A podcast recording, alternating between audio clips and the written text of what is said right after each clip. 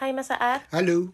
Aduh, ini suaranya masih grok-grok. Mudah-mudahan bisa rekaman nih kita hari ini ya. Iya, mari kita rekaman refleksi Proses homeschooling bulan. Maret tahun 2023. Oke, temanya? Eh, bulan yang menegangkan.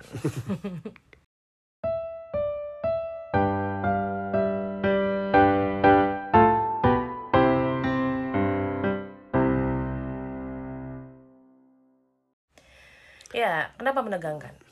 Kenapa ya? menegangkan kalau buat aku karena uh, kejurnas, terus tata persiapan ujian. Jadi isinya memang dengan hal-hal persiapan-persiapan dan hal yang menegangkan sih gitu ya. Iya. Banyak hal yang terjadi selama bulan Maret dan rasanya masih terbawa hingga bulan April ini gitu ya. Termasuk sakit. Iya. Terkait dengan anak-anak eh, duta mengikuti kejuaraan nasional catur junior di Jakarta dan eh, dia ambil kelas di atasnya. Ya, jadi duta itu uh, tahun ini 15. Mm -mm. Mm -mm. Harusnya diambil U15. U15 kelompok C gitu mm -mm. ya. Tapi ke dari review sebelum-sebelumnya bahwa ternyata duta itu justru lebih perform ketika menghadapi lawan yang susah.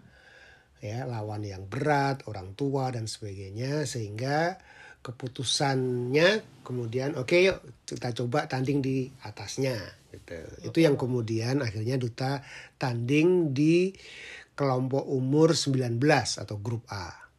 Iya, ya dan ya alhamdulillah puji Tuhan walaupun dia naik dua ya mm -mm. dua level dari uh, usianya tapi Duta bisa juara dua. Jadi... Ya meraih medali perak mm -mm. dan ini adalah medali pertama Duta di kejurnas. Di kejurnas mm -mm. gitu ya pengalaman pertama dan sekaligus mendapatkan gelar master percasi. Gitu iya, ya. ya uh, hal lain yang disyukuri sih di dalam proses ini itu duta uh, selama turnamen itu dia tinggal berdua dengan temannya sesama atlet DKI gitu mm-hmm. di Wisma Atlet. Jadi yeah. mereka tinggal berdua, terus uh, tiap pagi naik bus ke tempat pertandingan, pulang malam juga. Jadi uh, ini perkembangan juga karena mm-hmm. sebelumnya waktu di Aceh tidur terus-terusan sama aku.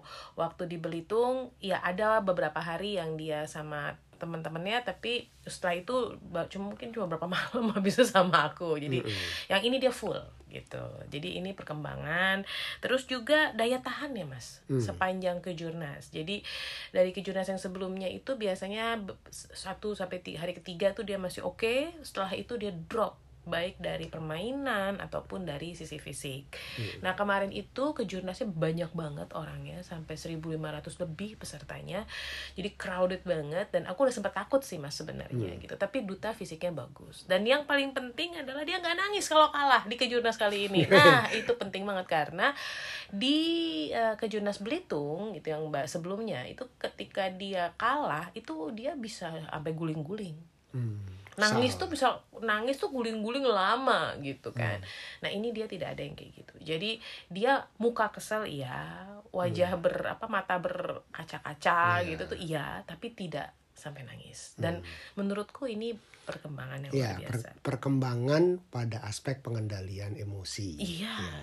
karena ini tidak mudah dan kan dia udah tanding tiga jam empat jam terus iya. kalah gitu misalnya iya. gitu kan jadi kalau eh, teman-teman mengalami anaknya tanding kalah terus guling-guling nangis-nangis, kami masih mengalami itu sampai duta cukup besar gitu.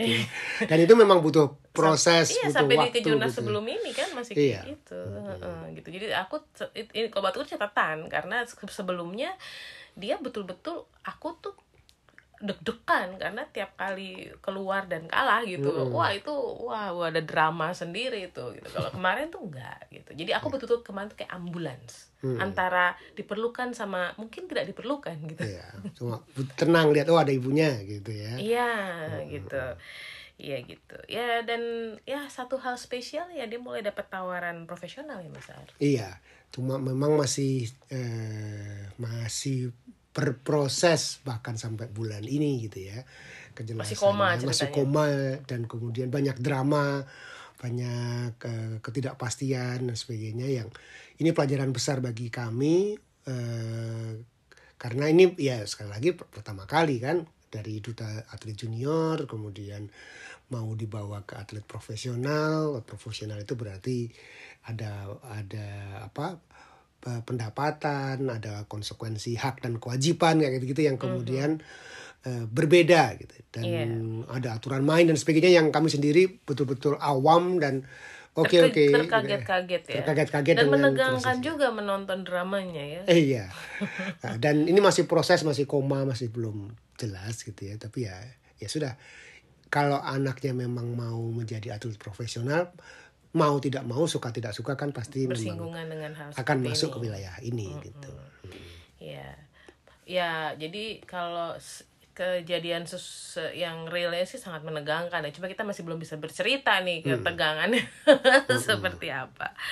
Ya untuk Tata yang paling disyukuri ya dia aku paling seneng nih ketika kemudian dia bilang aku mau bikin produk fisik buat Kreasita dan dia betul-betul mengeksekusi itu dan sedang berproses itu dan bagus banget barangnya gitu. Eh, menurutku ini hal yang eh, aku syukuri di bulan ini. Seperti biasa kalau Tata kan proyeknya panjang-panjang ya. Jadi dia satu tapi panjang gitu dalam risetnya apanya gitu.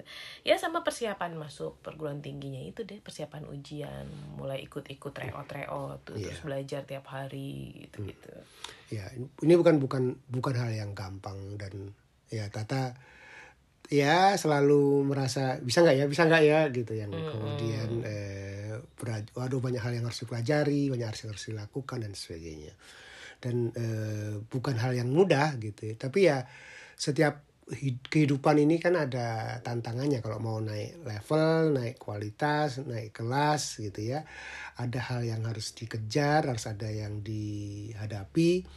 Terus kemudian ada masalah juga harus diselesaikan nggak bisa kabur gitu ya. Maka salah satu PR besar kita bersama dengan anak-anak adalah menemani mereka untuk eh, berani gitu ya berani menghadapi tantangan. Dan telan ketidakenakan. Iya ada yang harus hadap- dilakukan maksudnya. hadapi lakukan gitu ya, sebaik-baiknya terus kemudian eh, maju terus gitu. Iya, iya sebuah hal yang bisa lebih baik di bulan Maret itu menurutku itu. Jadi Tata itu kan sedang di dalam proses dia banyak harus menelan eh mungkin rasa nggak enak gitu ya karena kan da, apa namanya ya harus tiap hari eh, masuk ke akademis terus kemudian dia ada tryout ini kan hampir sering sudah makin sering kan makin Iya. ke sini terus eh, sebuah kebiasaan yang yang yang baru buat Tata dan itu ternyata bikin dia prokas gitu loh maksudnya karena dia menunda itu Mm-mm. terus yang lain-lainnya jadi ikutan ketunda gitu Iya. hal-hal yang memang sebenarnya dia senangi juga yang dia sukai kayak itu jadi jadi terseret-seret gitu. Jadi apa ya kemampuan untuk centering gitu ya. Ketika kemudian dalam kondisi kalut gitu itu kan Iya. tidak mudah. Kita aja orang Iya. tua kan Iya, susah gitu orang kan. dewasa aja kan kalau ada masalah suka mi- suka melipir kan. Mm-mm. melipir menghindar dan Betul. kemudian eh, malah bukan masalah makin ringan pasti makin berat gitu ya kan masalah itu. nunda-nunda dan kemudian tidak berani menghadapinya gitu nah itu itu proses belajar kehidupan dan itu gitu otot gitu. Aku rasa sih ya itu otot gitu ya yang yang yang yang sangat bisa dilatih untuk menjadi lebih baik lagi. Kalau Tata Mm. bisa mengeraskan diri, menguatkan diri, kemudian ya sudah menjalani apa yang harus dijalani pada saat bersamaan tetap bisa tetap kreatif. Itu Mm. kan tantangannya. Pada saat kita harus menjalani hal yang mungkin tidak kita sukai dan itu mematikan kreativitas, tapi di saat bersamaan gimana caranya bisa tetap nelen tapi juga tetap kreatif. Ya, itu itu yang menantang. Susah gitu. Oh iya, Mm, kan? iya. ibaratnya dia sedang dalam mode kreatif nih, membuat materi yang baru ini buat Kreasita. Pada saat pada saat bersamaan dia sedang mematikan mode kreativitas ketika dia sedang menelan. Seluruh materi pelajaran persiapan untuk tes ujian tulis ya kan gitu. Jadi kebayang sih agak clash gitu. Ya eh, ya itu otot, otot yang bisa di, dikuatkan dan ya ditemenin sih itu. ya gimana proses kita sebagai orang tua ya ditemenin Iya. ditanya ngobrol ta gimana rencananya Ya, gitu. disupport. apa apa tantangannya apa yang apa yang terjadi ya dia sebetulnya lebih banyak mendengarkan Karena sih dia karena tahu. karena dia sudah tahu bahwa oh ini harus selesai eh aku ter, aku menunda-nunda Iya, karena kita orang tua juga gitu. Kita orang tua ini kan tahu sebenarnya apa yang harus kita lakukan, yang baik buat kita, yang perlu kita jalani, tapi kan tidak mudah. Gitu loh. dan lebih mudah menunda Iya, lebih betul. mudah melakukan hal yang yang lain yang gampang gitu. Ah. Nah, ini kayak cerita itu, cerita nenek-nenek yang cari apa? Cari jarum di teras yang terang gitu ya. Yang kemudian ketika orang men- bertanya dan ap- cari apa? Cari cari jarum. Terus dibantu sampai ternyata nggak ketemu jarumnya gitu. Terus tadi jarumnya di mana? Jatuhnya apa? Mau pakai terakhirnya di mana? Di kamar. Loh, kenapa cari di sini gitu? ya? Karena di sini terang gitu ya karena kadang-kadang kan kita seperti itu gitu ya dalam artian ya kita tahu masalahnya gitu ya. Tapi kalau masalah itu harus diselesaikan susah gitu ya. Dicari jarum di dalam kamar yang gelap itu susah untuk didapat gitu ya. Lebih enak cari jarum di tempat yang terang walaupun kita tahu nggak akan ketemu gitu. Karena bukan di situ jadi karena bukan di situ jarum parah iya. Ya ini ini ini kan kondisi mental kita yang eh, ya kadang-kadang memang memang lemah gitu ya dan itu butuh dilatih agar kita ya berani Ya, gitu. dan itu menurutku semakin dini dalam arti dari remaja kita melatih anak-anak gitu ya mudah-mudahan semakin kuat ototnya Iya, nggak kabur gitu ya. ya tidak kabur ketika mengalami eh, sebuah hal yang sulit gitu Iya. mm. Nah, ya termasuk proses yang lain adalah duta ya, yang setelah ke jurnas harus kembali ke pola normal. betul Mm-mm. Jadi kembali latihan dan itu berarti apa? Berarti setiap hari dia harus bikin checklist lagi, gitu kan? Lat- Bikin jadwal lagi mau ngapain hari ini latihannya, apa saja dan kemudian mengeraskan diri. kecepatan kembali dari ketidakstabilan ke mode rutin lagi itu tantangan. Ya, jadi kita kan selalu berhadapan dengan kondisi-kondisi di mana kadang-kadang ada proyek harus diselesaikan ya kita ya udah sementara gitu ya. se- semua disederhanakan gitu ya fokus betul-betul pada hal itu dan kembali eh, lagi ke kondisi normal di mana ada pola-pola rutin yang kita bangun dan itu sekali lagi ya butuh latihan dan butuh butuh jam terbang dan kita bisa membantu anak-anak kita untuk eh, stabil di aspek keduanya. Iya. Ya sama kemudian kalau kita ngomongin apa yang bisa lebih baik, tentu saja bisa lebih baik kalau dia juara satu. Berarti ya harus belajar berlatih lagi supaya jadi pemain yang lebih kuat Iya. gitu ya. Ses- kalau di catur ke kalau buat kami bahwa basicnya itu ya jadi pemain kuat udah. Yang lain-lain juara, piala, Itu hadiah dan nasib, sebagainya nasib, itu sudah nempel bersama dengan kekuatan dia. Kalau udah kuat ya pasti sering menang, pasti juara, pasti dapat hadiah dan sebagainya. Jadi memang fokusnya adalah pada kualitas latihan Jadi pemain yang kuat. untuk menjadi pemain yang kuat. Oke.